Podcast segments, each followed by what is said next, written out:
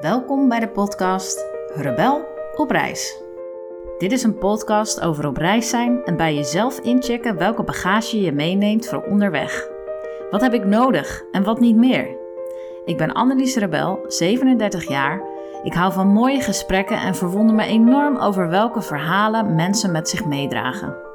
In deze podcast ga ik op zoek naar een lichter leven en check ik daarom wat er eigenlijk in mijn koffer zit. Wat koester ik en wat ben ik liever kwijt? In mijn solo-afleveringen reflecteer ik wat? Ik denk een reflecterend lampje dat aangaat op je fiets als je gaat fietsen. Nou, van, iets ouds iets nieuws maken. Dat dus. In mijn solo-afleveringen maak ik oude dingen weer nieuw en laat ik mijn licht schijnen op de elke keer veranderende inhoud van mijn koffer. Reken maar dat er opgeruimd gaat worden. Nou, welkom in deze solo-aflevering. Nou, in het komende half uur neem ik je mee in uh, de waarde van ergens mee stoppen en ook ergens mee beginnen. En wat voor levenskunst dat eigenlijk in zichzelf is. En sta ik ook echt nog even een keer expliciet stil bij wat nou licht en wat nou zwaar is tijdens mijn reis. En wat ik daarmee ook wil um, met deze podcast.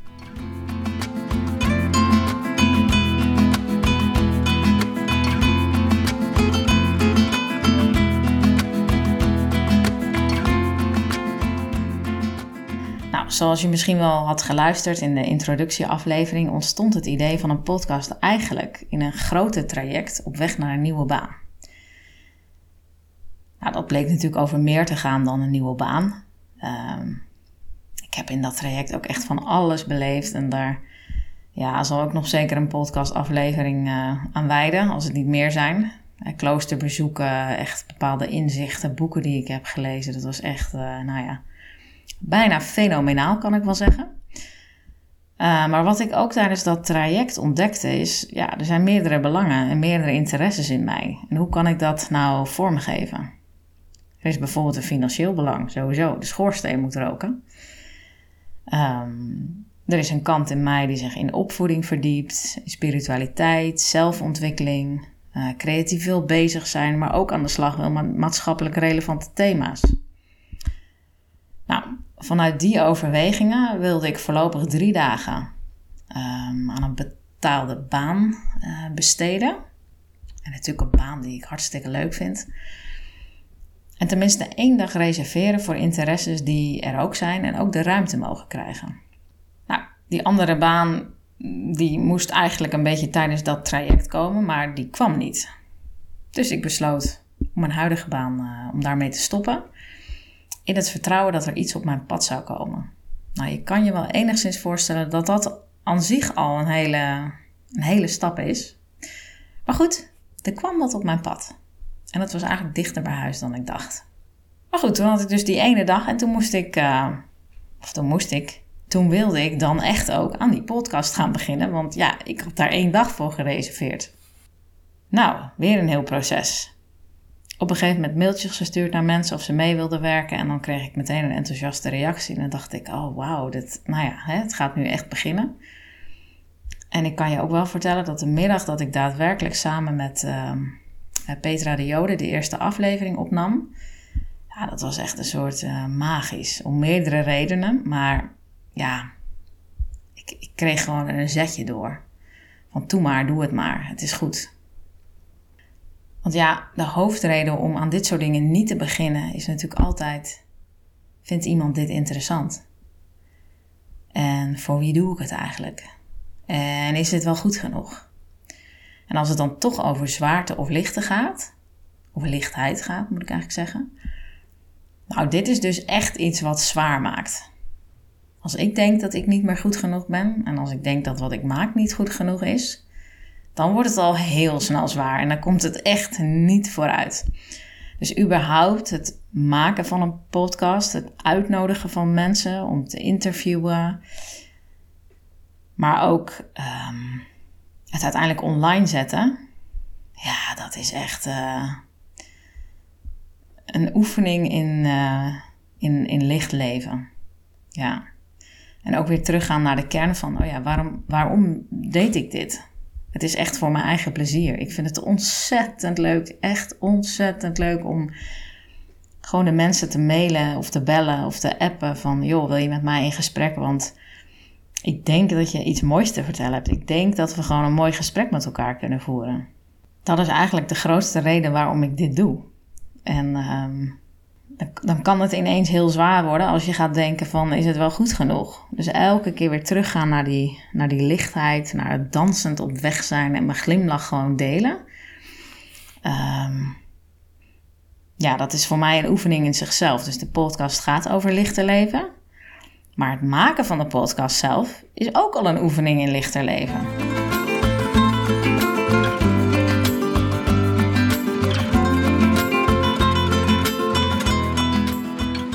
Ben gewoon ontzettend blij en dankbaar met de mensen die ik spreek. Het is echt, ehm, ja, het is heel gaaf om iemands verhaal te horen. En echt even te zitten voor een goed gesprek. En ja, wat ik al zei, ze geven mij ook elke keer weer het setje om door te gaan. En dat is wel, ja, dat, dat, dat kun je pas ervaren als je het ook echt gaat doen. Dus soms moet je gewoon beginnen. Ja, en dan is blijkbaar de tijd rijp.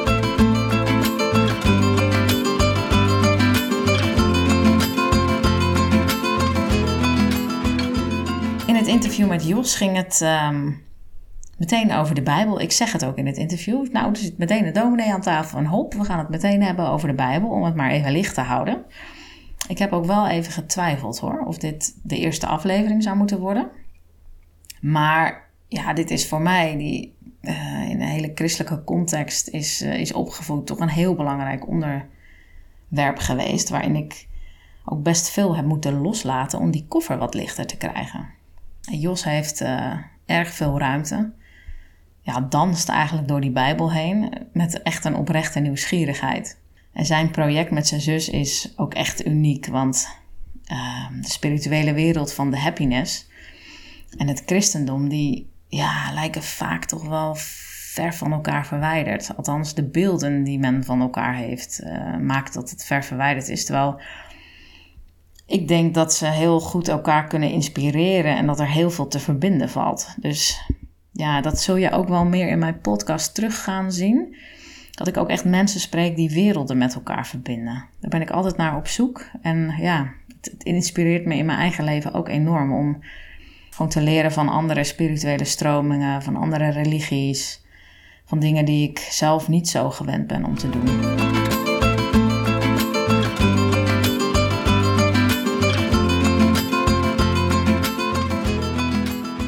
Tweede interview met Irma, ja, dat is voor mij toch ook wel heel kernachtig geworden in mijn leven. Want voor mij hebben kinderen, en ook mijn eigen kinderen, maar kinderen in het algemeen, wel echt een hele belangrijke rol in het lichter leven.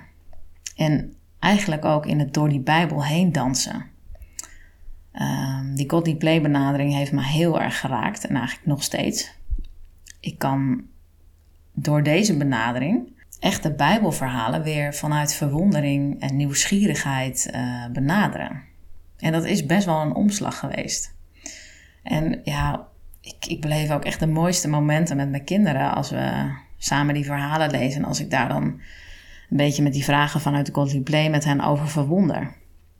Dus ik vertelde hem bijvoorbeeld pas het uh, scheppingsverhaal. En dan heb ik het niet met allerlei materialen gedaan, maar gewoon uh, vanuit die kinderbijbel. En um, ja, vanuit die Cody Play methode is dat echt opgebouwd vanuit dat elke dag een geschenk is. He, de eerste dag is het geschenk van het licht.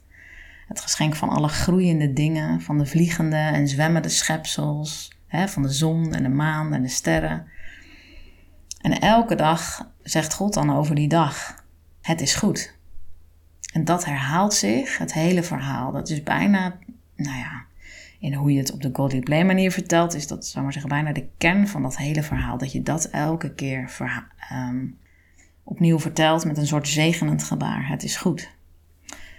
Nou ja, en dan heb ik dat verhaal verteld en dan uh, vraag ik wat ze het mooiste vonden. Zoiets. En dan zegt mijn dochter: Ja, nou, wat ik eigenlijk het mooiste vind, is dat God elke keer zegt dat het goed is over wat hij heeft gemaakt.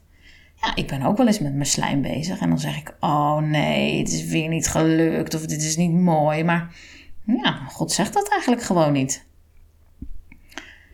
Ja, dus zij vergelijkt het eigenlijk meteen met een manier waarop zij naar haar eigen schepping kijkt. En ja, dat vind ik wel echt heel mooi. Dat inspireert mij dan ook weer.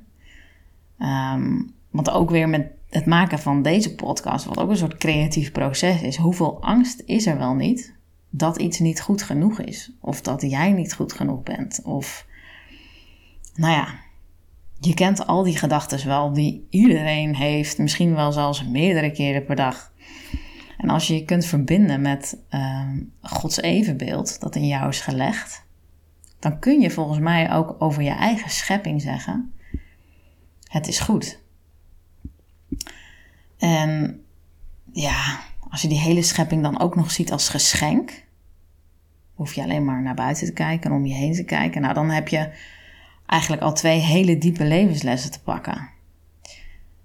En ja, dan, ja, en daarbovenop heb je dan ook nog eens een verhaal die je hele leven met je uh, mee kan gaan. En waaruit elke keer weer iets anders op ligt. Elke keer komt er weer iets nieuws wat, wat dan je aandacht heeft en wat blijkbaar dan nodig is.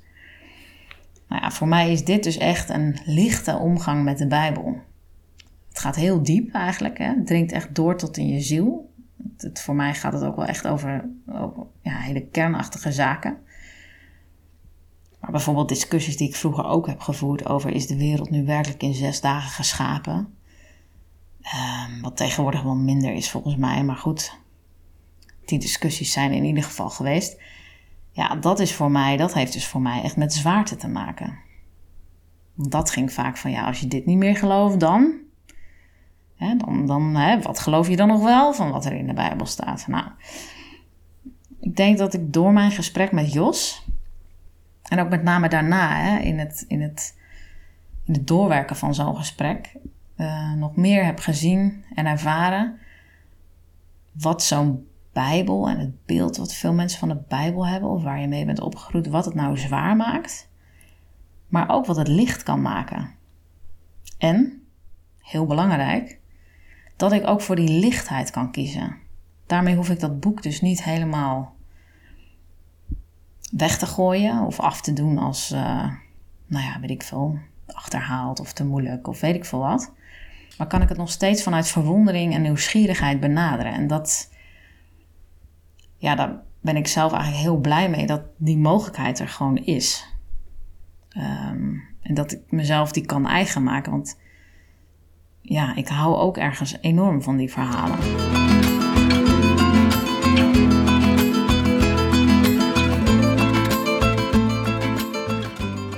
Het houdt me wel bezig dat um, lichtheid en geloven, en misschien lichtheid en religie, ja, niet automatisch goed samengaan. Dat ik daar dus heel veel werk in heb te doen. En dat kan heel erg te maken hebben met uh, mijn eigen afkomst, mijn eigen persoonlijkheid, de kerk waarin ik ben opgegroeid en, en, en weet ik veel wat. Of de fase waar ik nu in zit. Uh, weet je, dat is, dat, is niet standaard over iedereen te zeggen natuurlijk. Uh, maar ik merk het ook toch wel in verhalen van mensen die bijvoorbeeld kerk hebben verlaten. Dat gaat nooit zomaar. Het gaat sowieso heel vaak in stilte. Het is niet zo van ik ga even naar de, een andere supermarkt. Dus ergens in het verhaal zit toch vaak een schuldgevoel, een opgeven vingertje, een stem die zegt: Zit je niet op het hellende vlak? Wat nou als? En dat is volgens mij prima te onderdrukken als je leven gewoon uh, lekker vol is en druk is en weet ik veel wat. Maar ik heb het idee dat het altijd ergens weer gaat opduiken als je aan dit proces niet goed aandacht geeft. En um, kijk, mij maakt, ik ben eigenlijk niet zozeer geïnteresseerd, ook niet in, in, de, in deze podcast waar, waar mensen uiteindelijk uitkomen, als, als je al kan zeggen dat je op één punt uitkomt. Hè, dus, dus ook voor mezelf. Ik van ja, ik ben nu lid van een kerk en ik, ik eh, ben opgegroeid met christelijk geloof. Ik ben daar heel blij mee. Ik weet niet welke kant dat op gaat.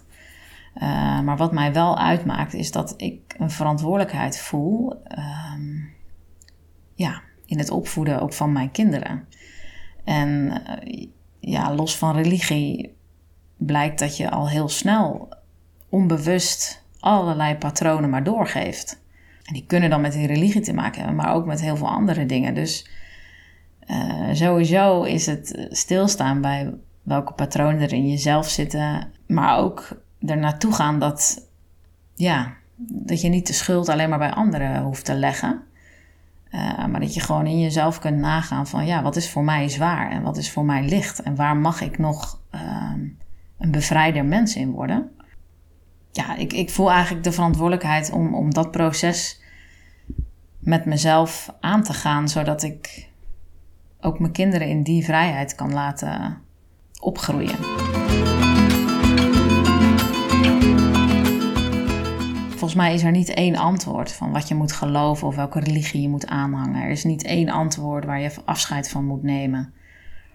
Hmm, ik denk gewoon dat het heel goed is om de reis te maken. En ehm, daarin ook je zwaartes en je verlangens ook te delen met andere mensen. En dat, ja, ik doe een poging, zou maar zeggen, in deze podcast. En ik hoop echt dat je meegaat op reis. Uh, want ik kom er gewoon achter dat ieder mens zoveel schatten in zich meedraagt. Dat is echt fantastisch. En die schatten op te diepen en daar ruimte voor te maken, ja, ik kan eigenlijk van niets blijer worden dan van dat. Leuk dat je luisterde. Wil je ook mee op reis? Ga dan naar anneliesrebel.nl, check alle andere afleveringen en doe vooral nog meer inspiratie op op de Facebookpagina Rebel op reis.